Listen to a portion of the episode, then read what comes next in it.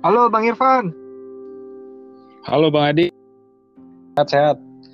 Sehat, apa kabar? Baik Bang. Gimana nih Derby Milan? Lu nonton nggak? Nonton, seru. Yang paling disorot kan penampilan wasit ya. Menurut lu gimana nih di pertandingan kemarin? Iya sih, maksud uh, kelihatan memang wasit kayak uh, nggak lagi performa terbaik dia ngap. Banyak keputusan yang memang uh, menurut gue merugikan Milan lah ya. Hmm. Enggar gitu uh, nggak diperiwitin, nggak diberhentiin permainannya. Tapi ya udahlah ngap.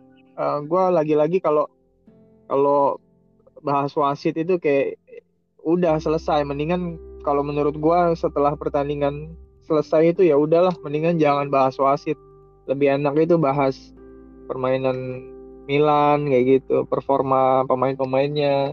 Kalau wasit mah nggak ada habisnya. Kayak kemarin si Calhanoglu sama Casey itu juga menurut gue sih ya nggak layak penalti sih gitu. Tapi ya lagi-lagi ya keputusan wasit mutlak gitu harus kita terima. Kalau makin kita nggak terima makin sakit hati ntar yang ada kita yang sakit. Hmm. iya. Dan secara permainan emang uh, Milan tuh mendominasi banget ya. Walaupun uh, finishingnya tuh ya lagi-lagi jadi PR buat Stefano Pioli di mana kita kayak kurang memaksimalkan di fase terakhir itu harus kayak gimana gitu. Apalagi kemarin Ibra kayaknya emang uh, di bawah performa dia gitu kan iya sih kelihatan Ibra kayak seorang Ibra aja bisa kelihatan agak kurang tenang ya di level pertandingan seperti itu ya karena hmm. memang sebelumnya kayak udah udah pada panas duluan sih sebelum sebelum derby aja kayak udah war duluan jadi begitu uh, pertandingannya jadi kayak ya kalau yang nggak tenang-tenang banget bisa nguasain uh, apa uh, pikiran mental gitu ya pasti hmm. kebawa emosi nggak di pertandingannya gitu pertandingan hmm. seperti itu tuh emang tricky sih memang harus tenang banget gitu hmm. dan di pertandingan kemarin juga si Stefano Pioli bikin beberapa perubahan ya di starting line up di antaranya si Ibrahim Diaz main di kanan dan si Sele yang di beberapa pertandingan terakhir emang kurang bagus ya dimainin dari awal dan si Krunic nih yang jadi uh, gelandang serang. Nah tugas Krunic ini emang nggak bikin Milan secara fase ofensifnya uh, bagus ya, tapi dia bisa mematikan peran Brozovic dan Barella yang emang it, uh, itu adalah sosok yang penting banget buat permainan Inter. Gimana nih lu melihat seorang Krunic di pertandingan kemarin?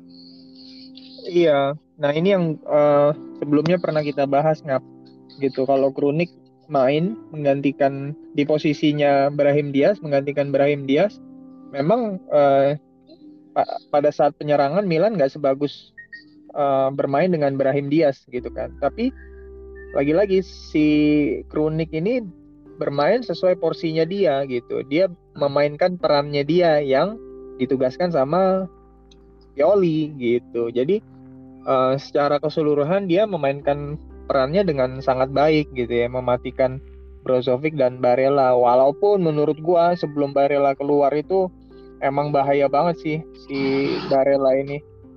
Uh, apa ya permainannya benar-benar solid jadi tumpuannya si Inter banget nih dalam hal penyerangan nggak gitu si Barella ini. Walaupun uh, Brozovicnya sih yang gue lihat agak kurang kurang keluar karena memang perannya agak beda sih ya gitu. Tapi uh, Barellanya yang yang sulit banget untuk di press gitu nggak tapi ya overall si Kronik ya bagus memainkan perannya gitu nggak hmm. ketika si Barella keluar juga kan pergantian pemain yang dilakukan oleh Inter itu eh, nggak uh, berdampak besar ya untuk permainan Inter. Beda dengan pergantian pemain Milan yang kayaknya emang agak bagus. Apalagi ketika si Benasir main, si Kalulu main yang nyelamatin uh, peluang Vidal dua kali depan gawang ngegantiin Balotore kan yang udah kena kartu kuning di babak pertama. Yang penalti yang kedua itu yang diselamatin oleh Tataru Sanu betul betul.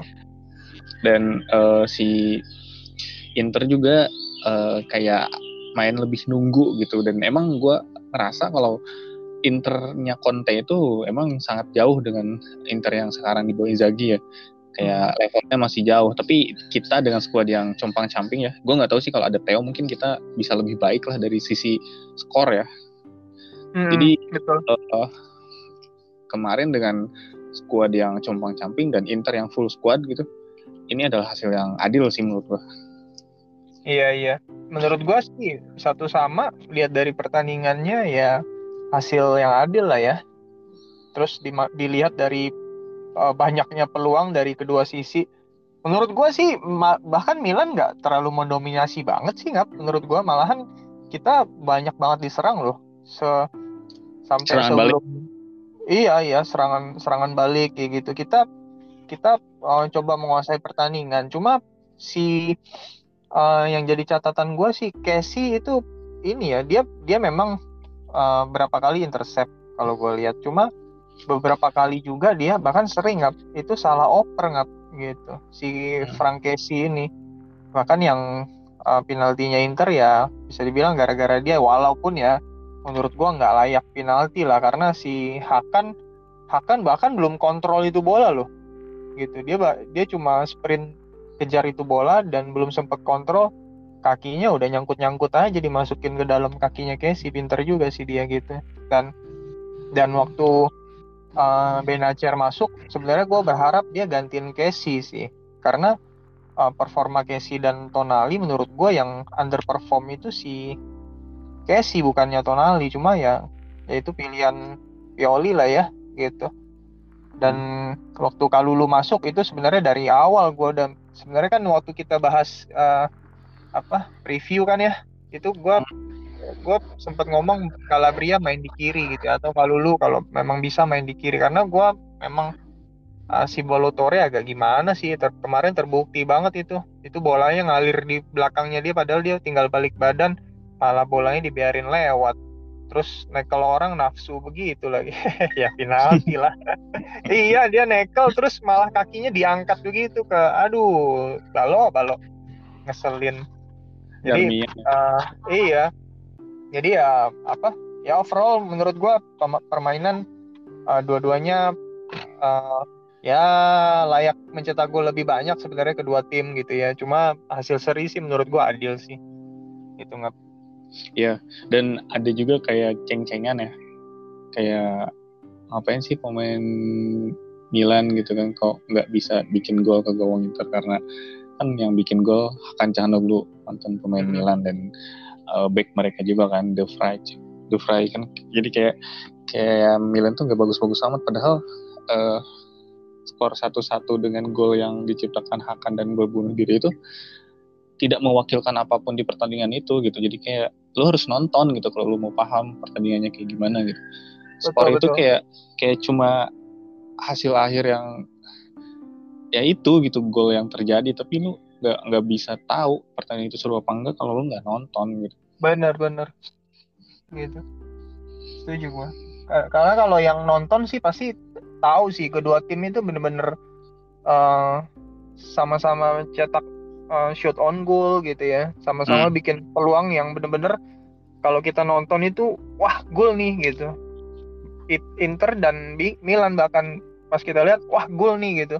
Wah kebobolan hmm. nih tapi ternyata nggak jadi gol gitu. Dan ya, ya hasil satu-satu itu ya kalau cuma lihat live score lihat di Google hasil akhir ya pasti orang bilang ya ya beginilah gitu ya kenapa Milan nggak bisa golin golnya bunuh diri doang gitu kalau hmm. nonton hmm. sih pasti bisa komentar lebih banyak lah bisa menilai secara keseluruhan gitu Arigo Sacchi juga kan bilang kalau pertandingan kemarin itu seru banget dan uh, dia nambahin kalau pemain Inter dan Milan itu tahu pentingnya pertandingan itu kayak gimana gitu. Jadi mereka kayak emang benar-benar mengeluarkan kemampuan terbaik mereka gitu. Betul betul. Betul. Setuju sih gua. Nah, terlepas dari uh, serunya pertandingan kan ada beberapa kontroversi juga ya. Di antaranya ya uh, kayak pas nyerang kita ya, pas serangan balik uh, kadang pemain Inter malah diving dan uh, harusnya kan tetap play on ya. Tapi kayak wasit uh, menghentikan permainan gitu. Pas bola ada di kita dan kita posisi serangan balik. Lalu ada beberapa handsball dan uh, ada juga pelanggaran-pelanggaran um, yang emang kayak kalau pemain Milan yang dilanggar tapi dibiarin aja. Tapi kalau pemain Inter yang dilanggar kayak cepet banget gitu buat uh, buat ngasih pelanggaran gitu ke Milan. Iya iya. Kemarin kan ada dua penalti ya yang dicetak Betul. oleh Hakan Calhanoglu dan yang kedua kan gagal sama Lautaro. Nah sebetulnya kan kata Interisti kalau si Lautaro ini emang eksekutor pertama gitu di Inter dan yang kedua Inter. tuh si Perisic gitu. Nah kemarin oh. Hakan bikin gol di derby dan dia melakukan selebrasi di mana pas selebrasi didorong sama Zeko ya, ya. katanya lu iya, ngapain iya. gitu dan si Florenzi arah kan dia langsung uh, ke tengah lapangan gitu buat nyamperin si Hakan kayak gitu lu melihat seorang Hakan ini ada apa sih gitu sama Milan? Segitunya gitu. Entah ya ya uh, mungkin ya kelanjutan dari drama kepindahan dia kemarin lah itu ngap ya. Jadi kan dia pas pindah itu mungkin ya dari sisinya dia mungkin ya gue pengen uh, ngelanjutin karir gue gitu kan. Tapi kan ternyata banyak dibully dia sama Milanisti gitu kan ya mungkin dia uh, luapin emosinya dia lah dendamnya dia gitu kan ya dengan cara seperti ini gitu. Hmm. tapi ya uh, emang ngeselin sih gitu pas pas pertandingan itu uh, ngeselin. Terus besoknya juga lihat uh, berita agak ngeselin. Tapi hari ini kayaknya udah dibales tuh sama CSM ngap. Iya. semalam ya mereka uh, bikin banner di depan rumahnya dan itu sih pukulan telak sih. Telak banget itu tamparan maut tapi nggak gue gue pengen bahas uh, yang sebelumnya lu apa omongin tadi ya yang beberapa beberapa kejadian yang uh, pemain Inter pura-pura diving gitu ya ada satu hmm. momen yang gue gue itu kesel banget sama Kronik ngap gitu hmm. waktu waktu Zeko uh, cedera hmm. waktu Zeko cedera itu Inter lagi nyerang gitu bahkan hmm. pemain-pemain hmm. Inter itu uh, tetap lanjutin permainannya ngap pada saat hmm. pemain dia sendiri cedera gitu ya. Hmm. Terus uh, lanjutin permainan uh, tiba-tiba entah gimana uh, kita dapat dapat bolanya, terus kita serangan balik dan bolanya itu kalau nggak salah dari Casey ke Krunik. Terus tiba-tiba hmm. Krunik bolanya dibentiin di outin. Wah itu gua kesel banget nggak. Bahkan Casey itu sampai ngomel-ngomel gitu. Lo lihat nggak ya pas kejadian itu nggak masih inget nggak? Iya iya. Itu bah bahkan iya Casey aja langsung kayak mencak-mencak gitu di lapangan. Wah gue bilang gue juga pas lihat itu gila kesel banget gue sama Kroniknya orang gila gitu ya. Bahkan pemain dia sendiri aja dia nggak berhentiin permainan play on. Lah kenapa kita lagi serangan balik lagi dapat momentumnya?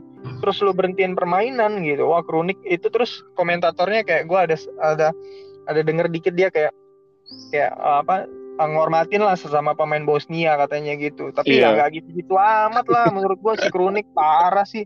Gua kesel beneran kesel gua ngabis itu. Maksudnya kita itu pertandingan yang bener-bener melelahkan ya. Gua nontonnya aja melelahkan nggak kita diserang kita lumayan banyak diserang di awal-awal. Bahkan sampai sampai keseluruhan pertandingan itu walaupun kita banyak menyerang juga tapi itu pertandingan yang yang menurut gua lumayan paling melelahkan lah ya di dibanding pertandingan lawan Verona menurut gue yang yang cukup melelahkan juga. Hmm. Dapat momen seperti itu tuh harusnya dimanfaatkan dan sebaik-baiknya bukan dibuang-buang seperti itu dengan alasan fair play.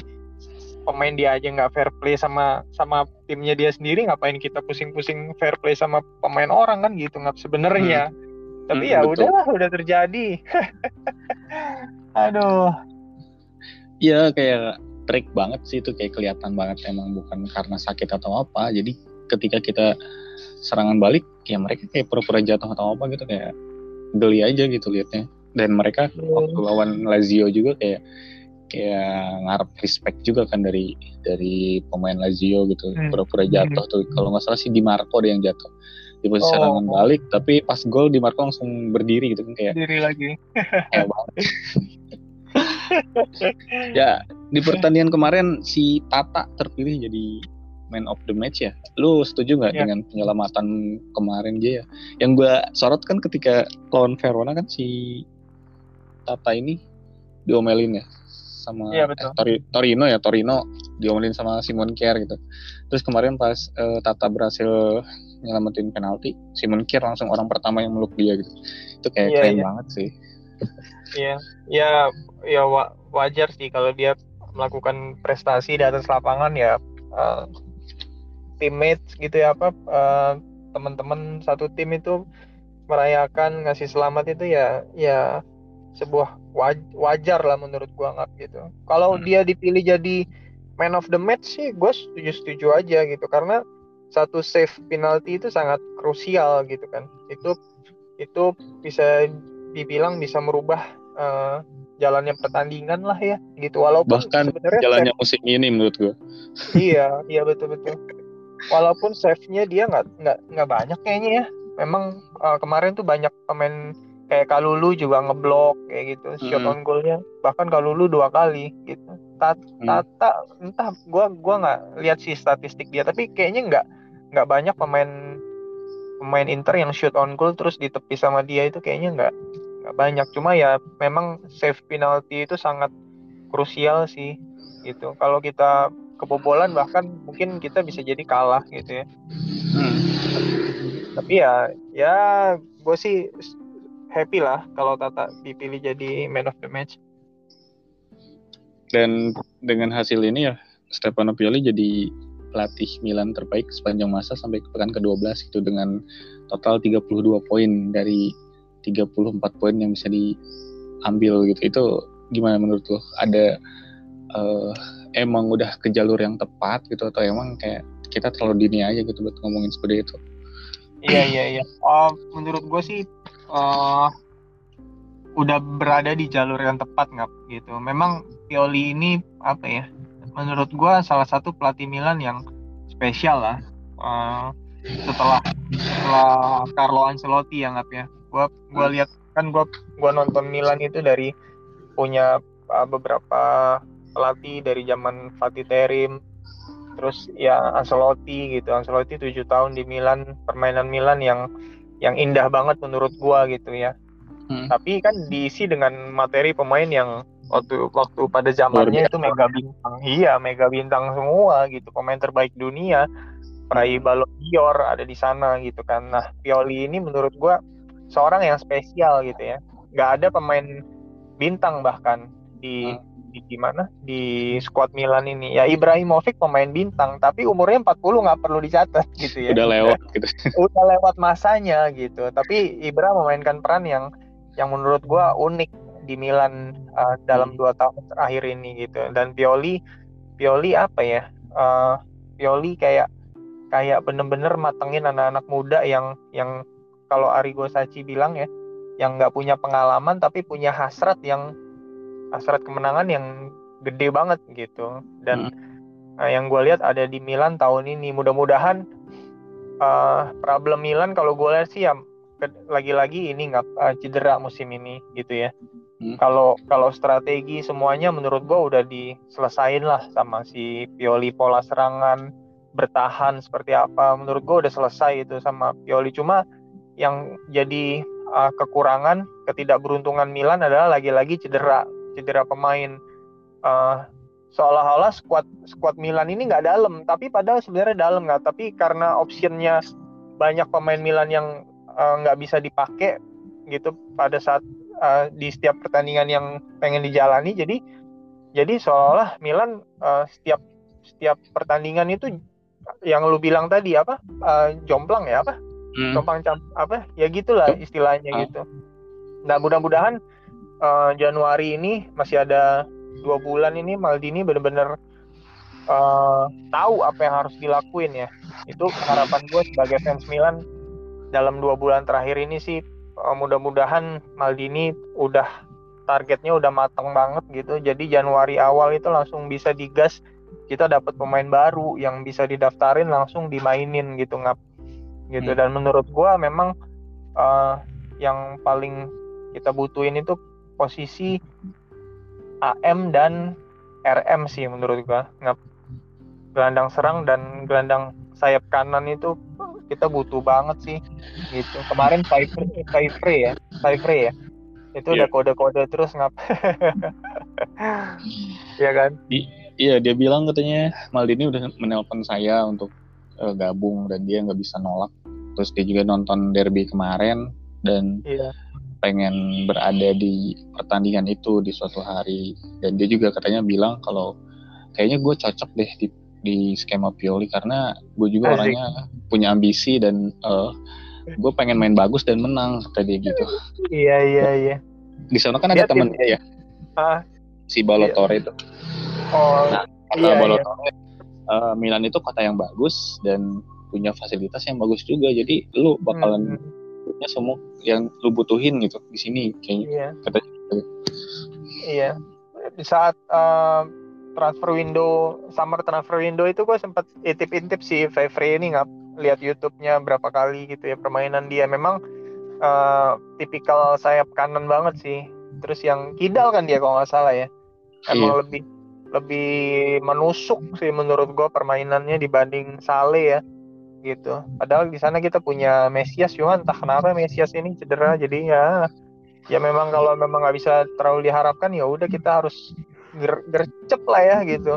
Karena kita udah tahu jadwal kita padat gitu. Terus kita lagi bersaing untuk Scudetto. Jadi tahun ini kita punya peluang yang menurut gue bagus banget ngap gitu. Sayang untuk lagi-lagi dilewatkan karena masalah cedera dan uh, gagalnya Mercato gitu.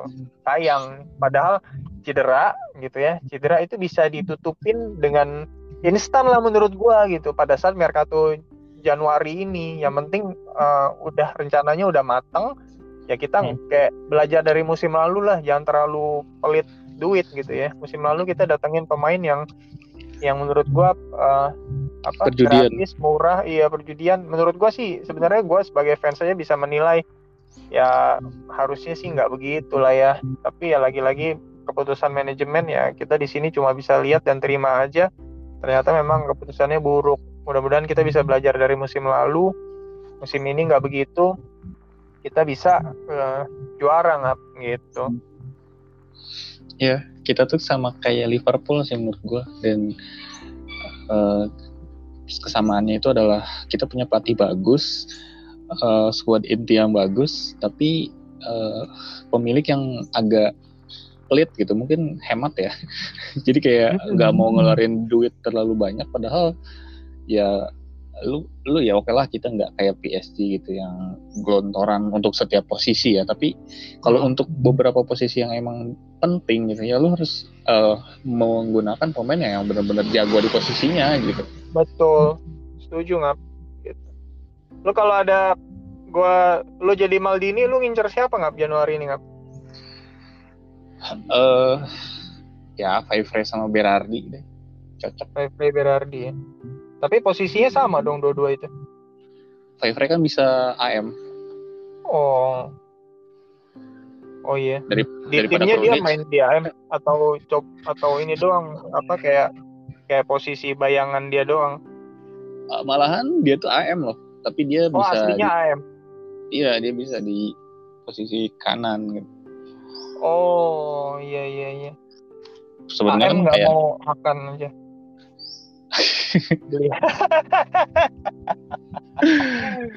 Aduh. Ya sebetulnya kayak Brahim dia saja kan aslinya kan winger kanan kan, cuma dipasang di AM di situ dan ya cocok-cocok aja gitu. Iya bagus sih dia di AM menurut gua. Uh -huh. Di timnas iya. juga kan uh, Luis Enrique kan menepis uh, omongan-omongan dari para fans yang katanya dia anti Madrid ya, padahal uh, dia bilang kalau ya si Brahim Diaz ini kan mainnya sebagai AM katanya gitu dan mm. timnas Spanyol nggak pakai posisi nggak pakai formasi itu gitu gitu tuh pakainya empat tiga tiga gitu yeah. dan ya udah gitu kalau dia main di timnas ya dia harus main di sayap kanan gitu dan dia harus um, menaikkan level dia dalam sisi defense karena katanya gitu hmm. karena penyerang sekarang itu ya harus bisa uh, defense juga kayak gimana gitu dan Betul. Ibrahim memang masih kurang dalam sisi itu kata Luis Enrique gitu. Betul. Nah ini juga ada Ibra juga nih kan udah 40 tahun masih dipanggil dan ada Calabria, Tonali dan Pobega dipanggil juga ke timnas Italia. Sisanya sih masih sama ya kayak Krunic, kayak uh, Theo dan Benacer, Casey, Balotore Slaymakers juga dipanggil lagi. Hmm. Uh, Leo dipanggil lagi ke timnas Portugal. Harapan lo apa nih dari uh, banyaknya pemilihan yang dipanggil timnas ya walaupun Tomori nggak dipanggil nih parah. iya padahal Tomori itu gila itu pemain menurut gua di atas rata-rata uh, back di Itali sekarang lah kalau gue lihat gitu bahkan di Milan aja dia begitu menonjol permainannya gitu benar-benar berani cepet iya. Uh, tackle-nya intercept baca permainan baca lawan satu lawan satu itu menurut gue uh, solid banget si Tomori ini. Cuma ya mudah-mudahan next uh, dia bisa ini sih bisa dipanggil lagi gitu ya. Karena menurut gue uh, pemain bola itu kalau dipanggil ke timnas itu kayak suatu kebanggaan. Selain memang uh, bikin mental mereka itu lebih uh, lebih terasa lagi nggak karena pertandingan timnas itu terus kejuaraannya ya Piala Dunia kita lagi lagi ada Piala Dunia itu bener-bener kejuaraan yang di level yang tinggi banget nggak gitu. Bahkan kalau Piala Dunia itu bisa dibilang ya lebih dari Liga Champion lah ya gitu. Jadi pemain yang pernah turun di sana bermain di sana itu kayak punya mental yang lebih lah dibanding pemain yang belum pernah uh, merasakan uh, timnas dan bahkan kejuaraan-kejuaraan yang kayak gini nggak gitu. Ya gue seneng lah semakin banyak pemain Milan yang dipanggil gue semakin happy gitu ya. Cuma ya mudah-mudahan nggak ada yang cedera karena biasanya pertandingan timnas ini agak-agak sering bikin pemain di klub itu cedera nggak itu yang bahaya. Mudah-mudahan lancar semuanya. Nggak ada yang kena covid lagi. Kemarin kita balik-balik dari timnas beberapa pemain kita covid nggak. Itu mudah-mudahan. iya gitu. Uh, di Eropa sekarang lagi tinggi lagi kan kasus covid. Mudah-mudahan eh, nggak uh, ada covid nggak ada yang cedera. Tonali ngomong-ngomong U21 lagi nggak Oh, U21 lagi ya? Udah enggak eh, tahu gua. Timnas senior apa U21 ya? Senior dia. Oh, serius? Wah, wow, keren, keren. Uh. Keren gitu. Karena gua udah memang udah berharap banget si Tonali ini uh, ada di timnas senior lah ya gitu. Walaupun memang Barella sama uh, Verratti Jorginho itu kayak uh, belum tersentuh gitu, tapi mudah-mudahan dia bisa dapat kesempatan bermain dan bisa tunjukin kalau dia bisa klop di timnas Italia gitu nggak gitu. Hmm. ya Ibra kalau Ibra ya pasti lah orang seperti dia ya. Setiap tim pasti pasti uh, gua rasa butuh lah pemain seperti Ibra gitu. Apalagi di timnas Swedia yang yang notabene uh, sorry to say nggak ada pemain bintang gitu nggak jadi butuh sosok seorang Ibra menurut gua gitu ya. Tapi ya si Opa satu ini jangan kecapean lah. Nanti biar di Milan tetap bisa fit kan gitu kan. Karena gue fans Milan nggak bukan fans Swedia. Gitu nggak uh, kan ini kita libur ya dua minggu. Kira-kira lu mau ngikutin sepak bola di jeda internasional atau lu kayak milih ya udahlah ini gue istirahat dulu gitu begadang. Lu uh, fans salah satu timnas gak sih? Kalau Iya iya, gue fans fansnya Itali nggak gitu. Oh, Sebenarnya gue fansnya Itali, entah tapi entah mengapa di kejuaraan terakhir Euro itu gue kayak nggak ngefans karena nggak ada pemain Milan nggak gitu tapi uh, kalau biasanya kalau jeda timnas yang dari musim ini tahun ini itu gue gua uh, cuma ngikutin biasanya hasil akhir. Terus uh, lihat lihat berita pemain Milan pas lagi di timnas seperti apa. Terus biasanya kalau lagi yang kayak misalnya Tonali gitu bikin asis nah, gue lihat di YouTube asisnya seperti apa. Cuma sekedar begitu sih nggak kalau sekarang gitu. Tapi kalau misalnya nanti pas kejuaraannya misalnya Piala Dunia sih biasanya ya gue nonton gitu. Ya kalau sebisa mungkin sih biasanya gue ngikutin uh, inilah pertandingan apa uh, big matchnya lah. Tapi biasanya sih gue udah bertahun-tahun dari dari sejak gue fans Milan lah ya ngap. Itu gue ngefans sama Italia juga karena banyak pemain Milan di sana kan gitu. Kecuali tahun kemarin doang. Ya makanya mudah-mudahan tahun ini uh, banyak banyak pemain Milan di Italia jadi gue nonton lagi gitu nggak antusias lagi. Iya antusias lagi waktu, waktu Italia bertanding gitu. Tapi emang uh, ya begitulah. Ya uh, selamat uh, apa ya um, memperbaiki jam tidur lah oh iya benar gitu rasanya oke dengar uh, makasih nih udah di episode yang cukup penting ya di Derby Milano di mana hasilnya imbang. Ya, menurut gue sih bagus lah buat Milan. Tapi menurut Inter, menurut gue masih harus ngejar lagi ya karena beda 7 poin dan itu cukup jauh lah. Iya, betul. Untungnya Napoli imbang sih sama Verona. Benar, Verona ini gila, emang uh, tim kecil yang menurut gue menyulitkan tim-tim gede sih. Di yeah. Verona ini bahkan gue berharap si Verona menang loh di Naples, tapi ternyata seri. ya dan kitanya pun seri ya nggak apa-apa, biar uh, apa ya, biar kejuaraannya tetap seru. Gue pengen hmm. tuh sebenarnya poinnya sama sampai Milan ketemu Napoli nggak? Gitu, itu benar-benar seru banget tuh. Iya, kita paruh pertama tuh uh, lawan Fiorentina terakhir kalau nggak salah. Iya, terakhir ya. Fiorentina hmm. habis jeda internasional ini ya? Bukan, paruh pertama kita. Oh, paruh pertama lawan Fiorentina. Terakhir ya. Loh, kita minggu ini bukan lawan Fiorentina nggak? Kayaknya bukan ya, tapi apa ngelawan Fiorentina ya? Soalnya, iya, soalnya habis jeda internasional kalau nggak salah lawan lawan Fiorentina, oh, Inter Inter ketemu Napoli. Kita main ya. di kandang Vio. Juve ketemu siapa gitu? Lupa ya gue. karena si itu ya si Milan Kevic yang kartu kartu merah itu kan. Jadi nah, absen lawan lawan kita kan karena uh, aksi diving si siapa ya si Ciesa Oh, waktu lagi yeah, yeah. kemarin salah satu kosong. Ya gitu dulu kali ya. Oke siap. Ya uh, makasih ya ngap. ya thanks juga bang Adi. Sehat selalu nih buat bang Adi dan keluarga. Sehat makasih ngap. Sama-sama. Sehat selalu ya. Ya oke. Okay. uh, eh, slogan terakhir dari kita kalah menang imbang apa pun itu tetap teriak Forza Milan. Forza Milan